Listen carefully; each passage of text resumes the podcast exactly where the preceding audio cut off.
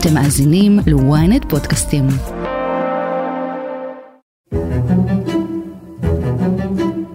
בכיר במערכת המשפט מותח ביקורת על השופט יוסף אלרון, שהודיע כי יתמודד לתפקיד נשיא בית המשפט העליון. בכיר במערכת המשפט התייחס להודעתו של השופט יוסף אלרון על התמודדותו חסרת התקדים לתפקיד נשיא בית המשפט העליון. הוא אמר כי בעיצומה של מערכה על עצמאות מערכת המשפט, מערכה ש... פצצה משפטית הוטלה בשבוע שעבר, כאשר השופט בית המשפט העליון יוסף אלרון ביקש להציג את מועמדותו לנשיא בית המשפט העליון במקום הנשיאה אסתר חיות שפורשת. ברשת. למה זאת פצצה? כי בישראל נהוגה שיטת הסניוריטי, על פיה מי שאמור להתמנות הוא השופט יצחק עמית. מהי שיטת הסניוריטי? איך היא השתרשה בישראל? והאם היא כל כך מקודשת, או שמדובר שוב בכלי להתגוששות פוליטית בין הממשלה הנוכחית והרשות השופטת? אני שרון קידון, וזאת הכותרת. רקע הקרבות על מערכת המשפט, הופתענו לגלות שגם שיטת מינוי נשיא בית המשפט העליון עולה לדיון בעת הזאת. האם זה מקרי או ממש לא? הפרשנית המשפטית של ידיעות אחרונות וויינט טובה צימוקי, על איזה רקע באמת צמחה לדעתך ההחלטה של אלרון להגיש מועמדות? אה, אני חושבת שהיא... היא צמחה על רקע שני עניינים. א', אה, אלרון בעצמו אומר שמאז ומתמיד הוא חשב שצריך להפסיק עם שיטת הסניוריטי, ומתי הוא יכול להעלות את זה? רק עכשיו, כי אנחנו בקרוב, אה, הנשיאה אסתר חיות פורשת מכיסאה, ועכשיו מתחיל המרוץ לאייש את המשרה הזאת של הנשיא. אז זה סיבה אחת. סיבה שנייה, לדעתי נעוצה בניכור שהוא מרגיש מאז אה, ראשית כהונתו בעליון, אה, מהמצב החברתי שלו בעליון, מה... מסע שהוא חושב שנערך נגדו לקראת כניסתו לתפקיד, והוא אומר, אם עמית, השופט יצחק עמית, אמור לקבל את המשרה הזאת על רקע עיקרון הסיניוריטי, גם אני מוצא את עצמי מתאים, כי אני חושב שיש לי יכולות ניהול יותר טובות משלו. היו טענות שההחלטה הזאת תואמה עם שר המשפטים לוין כדי לאתגר את הרשות השופטת במסגרת כל מה שקורה כעת. כן, אז אה, גם אלרון וגם אה, השר לוין מכחישים את זה, אה, אבל אין ספק שהתעוזה של אלרון בכל אופן לצאת נגד חבריו, דבר שלא היה מעולם, יש לה רוח גבית בגלל הרפורמה, בגלל שהיום הרבה אנשים חושבים שמה שהיה לא צריך להיות, ובכלל זה גם העקרון הסיניוריטי. על פי שיטת הסניוריטי, השופט יצחק עמית אמור לקבל את הנשיאות. אה, מה הבעיה עם השופט יצחק עמית אה, לגבי חלק מהאנשים במערכת הפוליטית? אז ככה, א', על פי עקרון הסניוריטי, מי שהיה אמור לקבל את התפקיד זה השופט עוזי פוגלמן, הוא הבא בתור מבחינת הבכירות שלו. אלא שהשופט פוגלמן יפרוש עוד שנה מבית המשפט העליון, והוא סבור ששנה אחת לשבת על הכס המשפט, כאשר עיקר הנושא הוא ניהול המערכת, אה, שנה לא מספיקה לכך, ולכן הוא העדיף מראש להישאר המשנה לנשיא, ושהשופט הבא בתור מבחינת הסניוריטי, יצחק עמית, כבר עכשיו יהיה לו עוד שנה. ואז בעצם הכהונה שלו תהיה, אני חושבת, ארבע-חמש שנים רצופות. אז כשאנחנו מסתכלים על השופט יצחק עמית כמי שאמור על פי שיטת הסניוריטי להיות נשיא בית המשפט העליון לשעבר, אני בקורות החיים שלו ראיתי שהוא בכלל אה, למד בבית הספר צייטלין, כלומר רקע דתי, אבל הוא נתפס כשופט אה, ליברלי מדי, אה, שופט פחות שמרני לתפיסת חלק מהפוליטיקאים. הוא נחשב לשופט דווקא שמרני מאוד בכל הנושא של ענייני ביטחון, הריסת בתים, ורוב תחיקות הביטחון הוא תמיד נותן רוח גבית גם למערכת הביטחון וגם לשב"כ. בפסיקות שלו בענייני זכויות אדם וכן הלאה הוא הרבה יותר ליברלי. אבל אני חושבת שההתנגדות הגדולה אליו נעוצה משני טעמים. טעם אחד שבעצם מדבר עליו אה, שר המשפטים יריב לוין, שהוא עומד בראש הוועדה לבחירת שופטים, הוא אומר, אני מאז ומתמיד התנגדתי לעקרון הסיניוריטי, ועכשיו אני לא מוכן שבמשמרת שלי אני אשמש כחותמת גומי, שוב לבחור את השופט הוותיק ביותר. לעומת זאת, אני חושבת שחלק מהמערכת הפוליטית, סוג של בנתה תיק נגד עמית, ואני חושבת שאולי כי לא הסתדרו איתו הכי טוב כשהוא היה יו"ר ועדת הבחירות המרכזית, שאז אתה עובד מול הוועדה שהיא כולה מורכבת מנציגי פוליטיקאים, והוא למשל בעניין של דרעי, הוא חשב שהנושא הזה צריך להידון בבית המשפט העליון למורת רוחו של דרעי, והוא לא בא להם טוב בעיניים, אבל אין שום סיבה מסוימת שיש להיאחז בתיק הזה שנבנה לעמית. הוא בעיקר קורבן העיקרון של הסיניוריטי. אבל מה לגבי הטענה לגיוון, המוצא, המוצא הדתי של אלרון לעומת uh, עמית, אולי יש כאן איזושהי אמירה מסוימת שרוצים להגיד. כן, אין ספק שאם אנחנו גם נתייחס לרפורמה המשפטית, כמו שהיא מכונה, המחאה יש בה גם רובד של הטענה של uh, אפליה על, על פני שנים של אנשים ממוצא מזרחי גם במוסדות המשפט, ואני חושבת ש... שהשופט אלרון רוכב גם על הנושא הזה. כאילו העניין של אה, האשכנזי הרגיל מול המזרחי מהמעברה שטיפס בעיקשות אה, עד אה, למעלה המערכת המשפטית, זה גם משחק פה הנושא הזה, אין ספק. יש לאלרון סיכוי להיבחר? לדעתי אין לו, משני טעמים. דבר ראשון, נותרו לו רק שנתיים בתפקיד, וקשה לי להאמין שוועדה לבחירת שופטים תמנה אדם שיש לו זמן כל כך קצר, מה עוד שאנחנו לא יודעים בכלל מתי תתכנס שוב הוועדה לבחירת שופטים. עכשיו, בכל מקרה אני חושבת שיריב לוין יגיע לאיזושהי פשרה ואו סיכום עם האופוזיציה לגבי אה, איך בוחרים את הנשיא הבא של בית המשפט העליון, יחלפו מספר חודשים וזה עוד ימעיט עוד יותר את, ה, את הסיכויים שלו. אני, אני מאמינה שמי שייכנס לתפקיד בעוד חודש יהיה השופט פוגלמן, וחודשיים, שלושה, ארבעה אחרי זה כנראה תושג איזושהי פשרה גם לצילו של הבג"ץ שהוגש בעניין של אה, כינוס הוועדה לבחירת שופטים, ויהיה איזושהי פשרה ש, שבמסגרתה ימונה הנשיא הבא, אבל לא, הוא לא יהיה אלרון. גם אם אלרון לא ימונה וגם אם תושג פשרה לגבי נשיא בית המשפט העליון הבא, שיטת הסניוריטי עומדת למבחן. אז בואו נעצור לשנייה ונעשה סדר. במהי שיטת הסניוריטי? עד כמה היא נפוצה בעולם?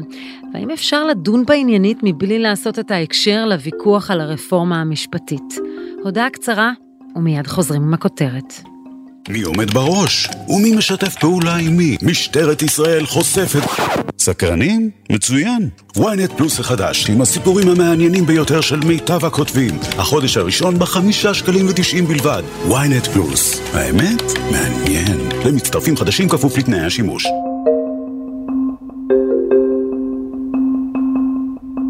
כמו שזה נראה, הדיון על שיטת הסניוריטי עולה בעיתוי הזה, כי כל מערכת המשפט הישראלית נמצאת במבחן, אז לרגע ננתק את עצמנו מהאירוע הנוכחי וננסה להבין מה עומד מאחורי שיטת המינוי של נשיא בית המשפט העליון בישראל.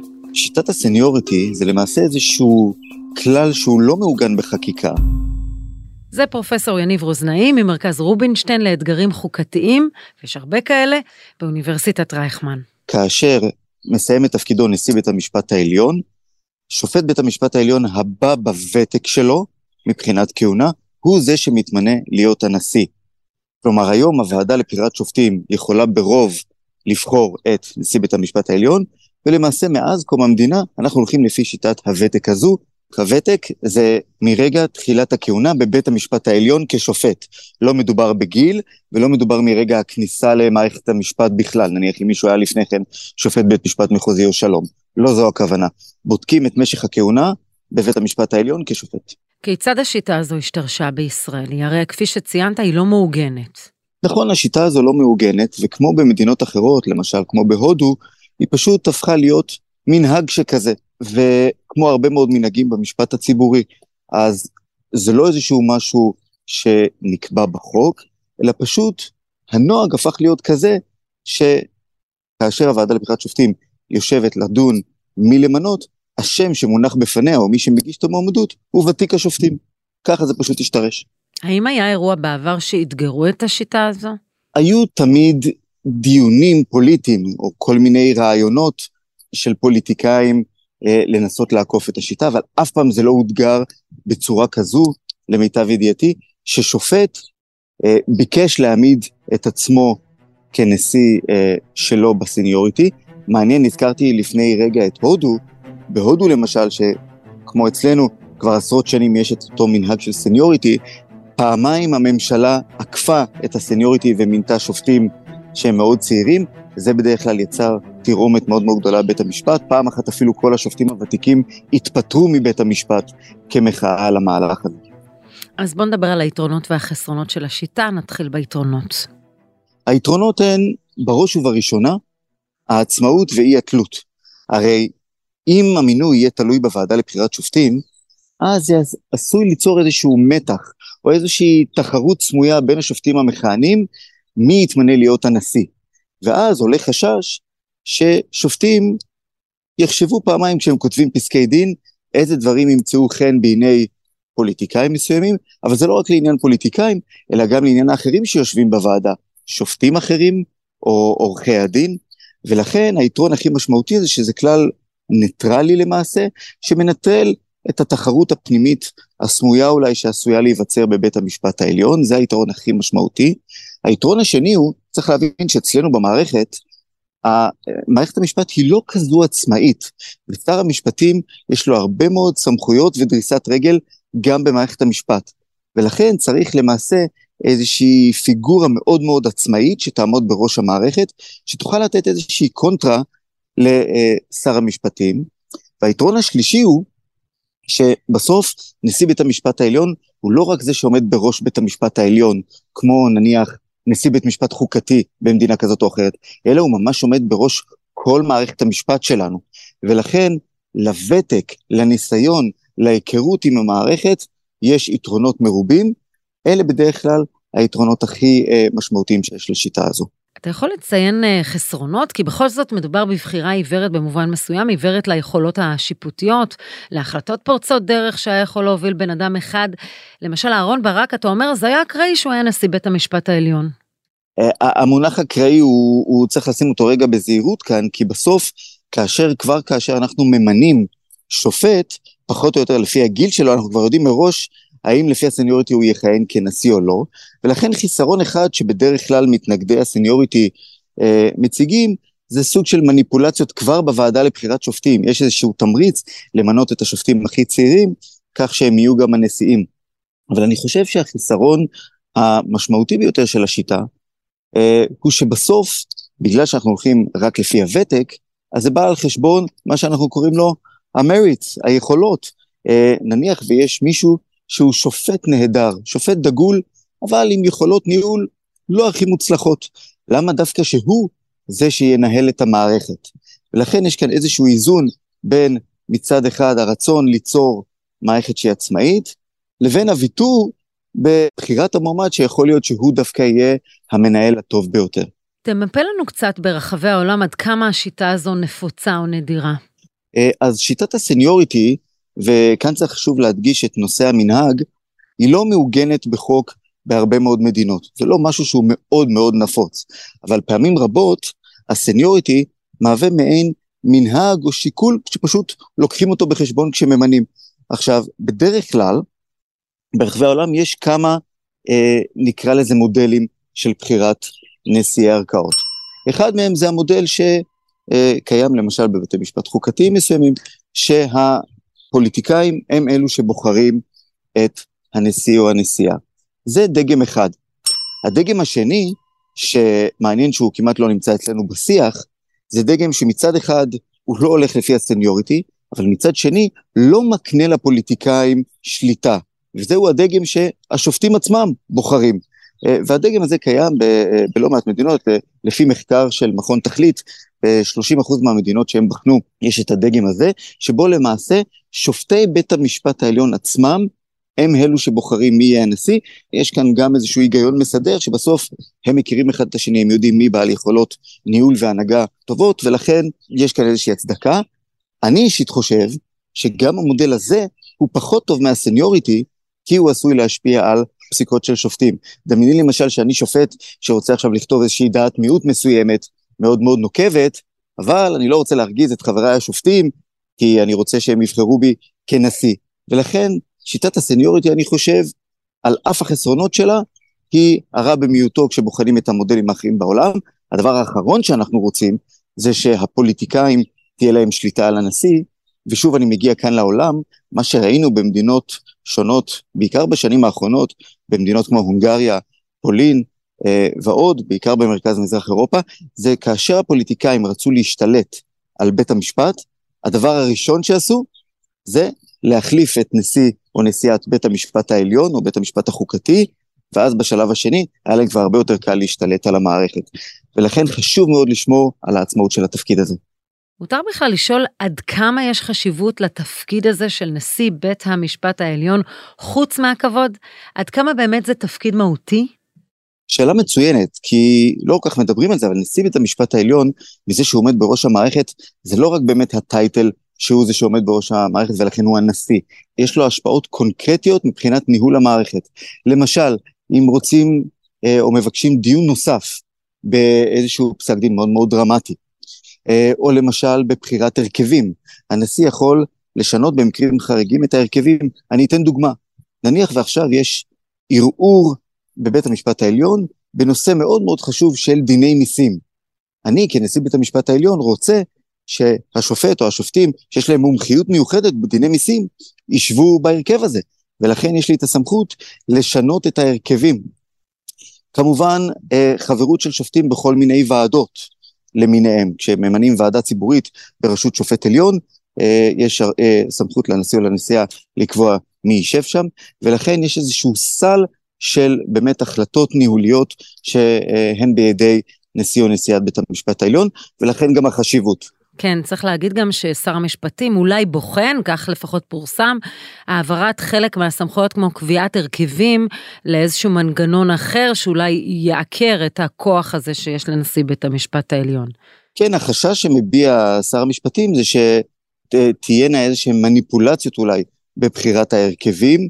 אה, למיטב ידיעתי כבר היום, אה, ברוב המוחלט של המקרים, השיבוץ של ההרכבים הוא רנדומלי, כלומר לפי המחשב אה, בבית המשפט, שיש לו גם את רשימת המניעויות ואת הלו"ז של השופטים, ואז לפי זה עושים את השיבוצים, כאשר במקרים חריגים ובהרכבים מורחבים, אז הנשיא או הנשיאה גם יכולים אה, להתערב. אני, כמו שציינתי קודם, אני חושב שמאוד חשוב אה, שעדיין תהיה אפשרות או איזשהו מרחב שיקול דעת לנשיא או לנשיאה אה, להחליט על הרכבים במקרים קיצוניים.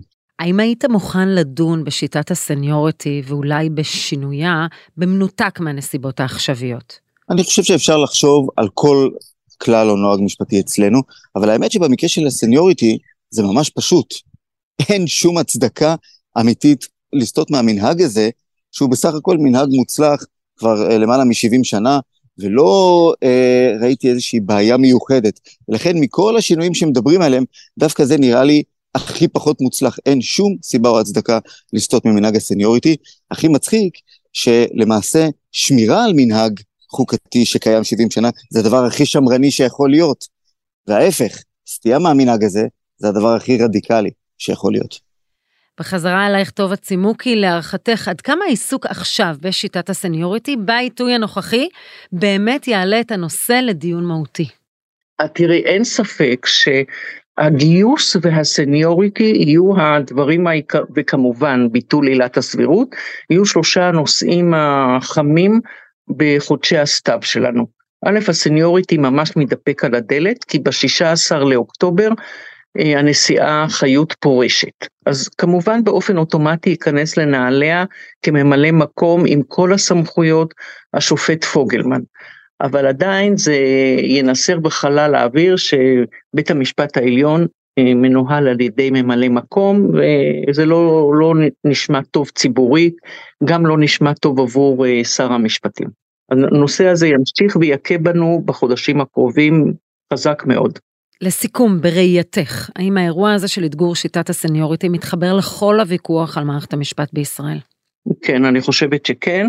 אני חושבת, דבר ראשון, שחלק מהנושא של אה, מינוי ובחירת שופטים הוא גם הדבר הזה שמנקר, אה, שכמובן לא בצדק לדעתי, שיש כל מיני אה, גילדות בין השופטים, שיש מקורבים מתמנים יותר בקלות וכן הלאה, והשר לוין רוצה בכל מקרה יותר לרענן את המערכת, את הקודים שלה, בכללם הבחירה. וגם בכל אופן יש פה אירוע שלראשונה מאז קום המדינה קם אחד משופטי בית המשפט העליון ומאתגר את הנושא הזה. עד עכשיו האתגור היה רק בקרב אה, המערכת הפוליטית. הפעם זה אחד ממה שנקרא בשר מבשרה. ועד כאן הכותרת להפעם, תודה לטובה צימוקי ופרופסור יניב רוזנאי, מוזמנים לעקוב אחרינו בוויינט באתר או באפליקציה, בנייד או ברכב, בספוטיפיי או באפל. אנחנו מחכים לתגובה או לדירוג שלכם. בינתיים, אולי יעניין אתכם פרק נוסף שלנו על המהפכה המשפטית ומשאל עם. חפשו את הפרק "מי צריך להכריע בעתיד של המהפכה המשפטית". איתי בצוות הכותרת טל זרביב וקובי נחשוני. תחקיר, הפקה ועריכה גיא סלם ועדן דוידוב. אני שרון קידון, ניפגש בפעם הבאה.